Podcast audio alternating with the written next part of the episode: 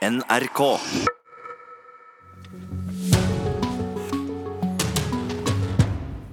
I går kveld var det duket for en av årets store begivenheter under Festspillene i Bergen, og fiolinisten spilte med tannpine til og med. Ja, vi skal høre hvordan det gikk. Vår eh, anmelder var på konserten. Men aller først til debatten som har gått gjennom helgen. Flere av Jan Kjærstads forfatterkollegaer er opprørt over at han kaller den norske satsingen på bokmessen i Frankfurt for stormannsgalskap. Men en professor ved Norges handelshøyskole støtter Kjærstad og er skeptisk til om det er lønnsomt å bruke 52 millioner kroner på profilering i Frankfurt neste år. Anne B. Ragde derimot mener at vi godt kunne dratt på enda mer. Det skrives knallbra litteratur i Norge i dag, så selvfølgelig skal det være stormannsgal. Anne B. Ragde går til frontalangrep på Jan Kjærstad. I en kronikk i Aftenposten fredag skrev han at millionsatsingen til neste års bokmesse i Frankfurt er demonstrasjonen av et lite lands stormannsgalskap. Forlagseier Arve Juritzen er imidlertid enig med Kjærstad, og mener storsatsingen er helt feilprioriterte penger. Det er veldig mye penger som staten og en del andre organisasjoner her gir bort. Det blir jo en hyggelig fest i Frankfurt for de få. Noen forfattere kommer til å få nye lesere i utlandet, men det kommer jo overhodet ikke norske lesere til gode. Og Det syns jeg er trist. Det er der vi trenger å gjøre en innsats nå. Norge skal være hovedland under neste års bokmesse i Frankfurt, som er verdens største. Det koster totalt 52 millioner kroner. 34 millioner er offentlig støtte, mens Forleggerforeningen bidrar med 6 millioner kroner. Professor ved Norges handelshøyskole, Øystein Foros, er sterkt kritisk til pengeforbruket, og også han støtter Jan Kjærstad. Jeg syns jo at Kjærstad i tillegg til å være forfatter, er en ganske god økonom. Det er jo da slik at eh, hvis det bransjen selv eh, bruker noen få millioner, så er det jo grunn til å stille spørsmålstegn om det er lønnsomt for eh, vi skattebetalerne å betale 35 millioner. Så jeg synes at Kjærstad sin påpekning var helt betimelig. Jan Kjærstad, som i kronikken gir seg selv tittelen Djevelens advokat, tar til orde for å avblåse den store Frankfurt-satsingen, og skriver millionene heller kunne gått til forfatterstipender her hjemme. Det mener forfatter og forlagsmann Vidar Kvalshaug er helt bak mål. Jeg syns at det å trekke seg fra et sånt spleiselag som eh, Frankfurt 2019 er, er et ganske meningsløst og lite kreativt eh, forslag. Vi tåler både både festen og vi må ha eh, stipender til hverdags. Anne B. Ragde er iallfall ikke til å rokke i sin tro på at neste års Frankfurt-satsing vil være gull for norsk litteratur og hele den norske bokbransjen. Hun mener man kunne brukt dobbelt så mye penger hvis det trengtes, og kommer til slutt med et vennlig stikk til Jan Kjærstad. Norge er hot, altså. Og man må smi mens jernet er varmt. Jeg håper jo Jan Kjærstad sine bøker òg blir veldig godt synlig. Reporter her var Knut Øyvind Hagen. Kulturkommentator her i NRK, Agnes Moxnes. Har Anne B. Ragde rett? Kommer bokmessen i Frankfurt neste år til å gi et løft for norsk litteratur og den norske bokbransjen? Ja, det tror jeg nesten at man kan bare sette to streker under. Det kommer til å, å være et løft. Det er en kjempesatsing. Og det er en, en posisjonering av eh, norsk litteratur i det som er verdens største bokmesse, og den eldste også, som får veldig, veldig mye oppmerksomhet.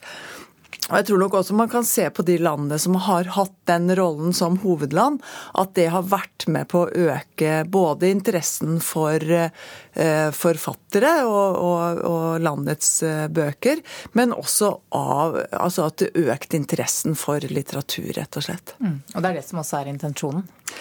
Ja, altså intensjonen er selvfølgelig for det første at man skal ha, at man skal være, eller øke interessen for litteratur. Men det er jo helt klart også en interesse her for å få fart på omsetningen av norsk litteratur. Og derfor har jo bl.a. også Jan Kjærstads eget forlag eh, og hans, eh, hans eh, egen forening, altså Forfatterforeningen, ivret i mange år for at Norge skal innta denne maktposisjon som hovedland under bokmessa. Eh, men når staten, altså den norske stat går inn med såpass mye penger som de gjør her, så regner jeg det som helt sikkert at de også tenker at dette skal handle om at man skal markere Norge som et kulturland, og ikke bare et land med fjorder og, og fjell og, og, den slags eh, turisme. Men det jeg syns er mest interessant med at man går inn i bokmesser akkurat nå, det er at bokmesser er i ferd med å bli et veldig interessant og særdeles utfordrende sted for kampen om ytringsfriheten. Vi har jo sett de siste årene både i Frankfurt, men senest i bokmessa i Göteborg nå i høst, at det har vært eh, altså en kamparena mellom eh, ulike politiske krefter i, i Europa. Mm. Samtidig så er jo 52 millioner kroner mye penger, da. Eh, Arve Juritzen hørte vi her er enig med Kjærstad og kaller denne bokmessen en fin fest i Frankfurt for de få. Har Kjærstad og Juritzen noen poenger? Ja, det har, har, de jo helt opplagt. Vi snakker om 30 statlige millioner. Eh, så er det en del penger fra private stiftelser og, og fra kommuner. Og et par eh, private sponsorer også.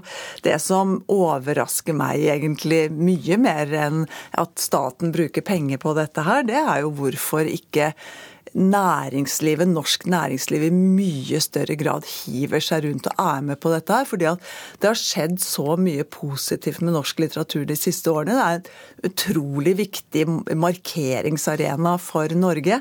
Så hvor er Equinor? hvor er Marine Harvest? Hvor er Orkla? Hvor er Aker? Det lurer jeg egentlig på. Er norsk næringsliv egentlig utrolig provinsielle når det gjelder måten de er med på å sponse eller markere seg på i utlandet. Mm, får se om de hører på nå.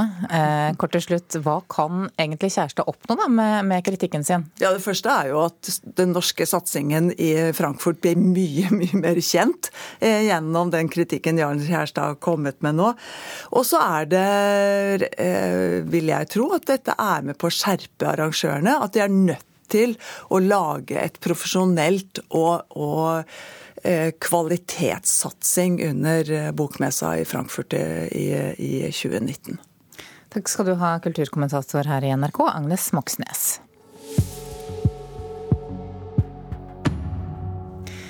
Arkitekten bak det nye Nasjonalmuseet for kunst er bekymret for at museet ikke skal bli så fint som han ønsker. Reporter Thomas Alvarstein Ove, hva er problemet? Dette handler om den såkalte alabasthallen, den langstrakte, lysende hallen som skal ligge på toppen av hele museet. Arkitekt eh, Klaus Sjoverk sier til Dagbladet at han frykter Statsbygg kommer til å velge en type glass til å kle denne hallen med som ikke er et nasjonalmuseum verdig. Den opprinnelige glasstypen måtte droppes da testing viste at glasset ikke tålte vær og vind. Så etter det har arkitekten jobbet videre med to andre typer glass, mens Statsbygg nå også vurderer en tredje løsning, nemlig helt vanlig såkalt eh, industriglass, som man finner igjen på en rekke kontorbygg. Så er det sånn at monteringen av glassveggen egentlig skulle startet i januar. Betyr det at bygget nå blir forsinket?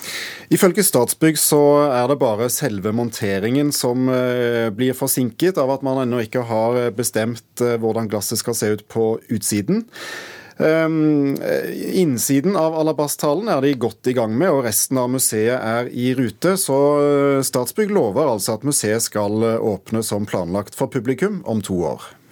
Og Norsk Design, som da åpenbart tåler vær og vind og slitasje, blir nå fast innslag på Times Square i New York? Det blir det. Vi snakker om utemøbler fra den norske produsenten Vestre. Møblene deres har blitt eh, grundig testet, og, nå, og nå er det altså klart at Vestre blir eneleverandør faktisk av sittegrupper på Times Square, kanskje et av verdens mest kjente byrom. Det skriver Aftenposten i dag.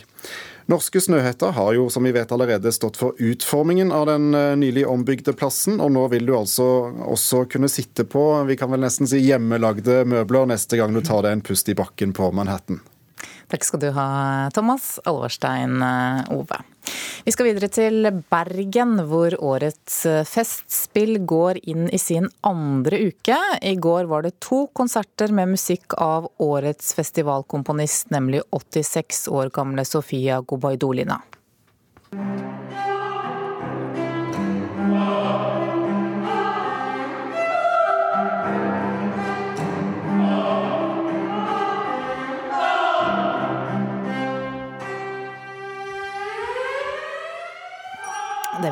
Altså musikk eh, av eh, Gobaidolina, årets festivalkomponist under Festspillene i Bergen. Verket heter Sonnen Gesang og Sonnen Gesang, og opptaket er fra konserten i Bergen domkirke i går med cellist Andreas Brantelid sammen med Bergen Domkor.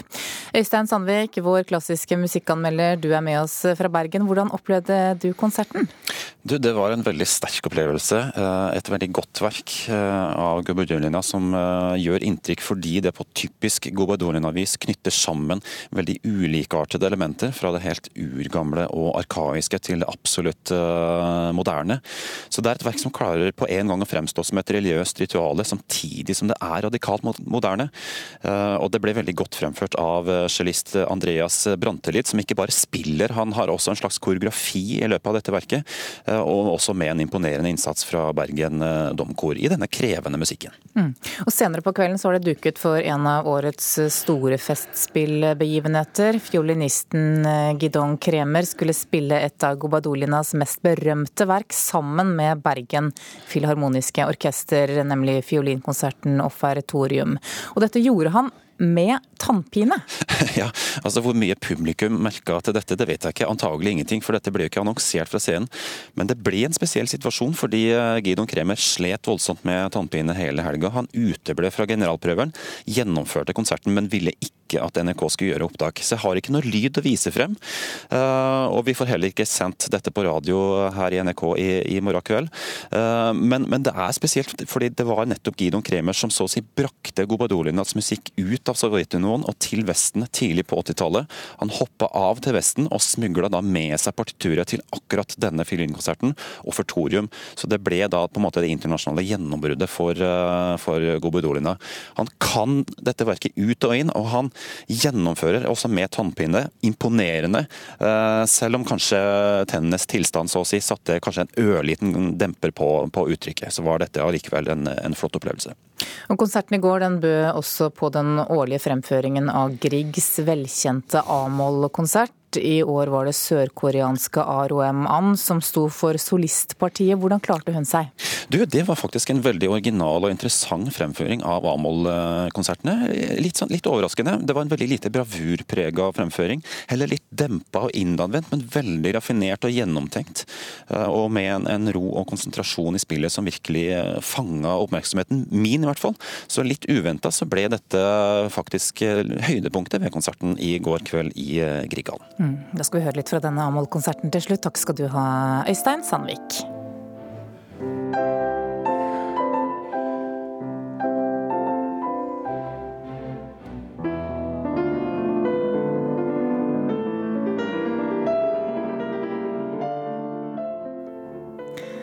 Til slutt her så hørte vi altså fra Griegs A-moll-konsert fra Festspillene i Bergen i går kveld. Aroem An var solist sammen med Bergen Filharmoniske Orkester.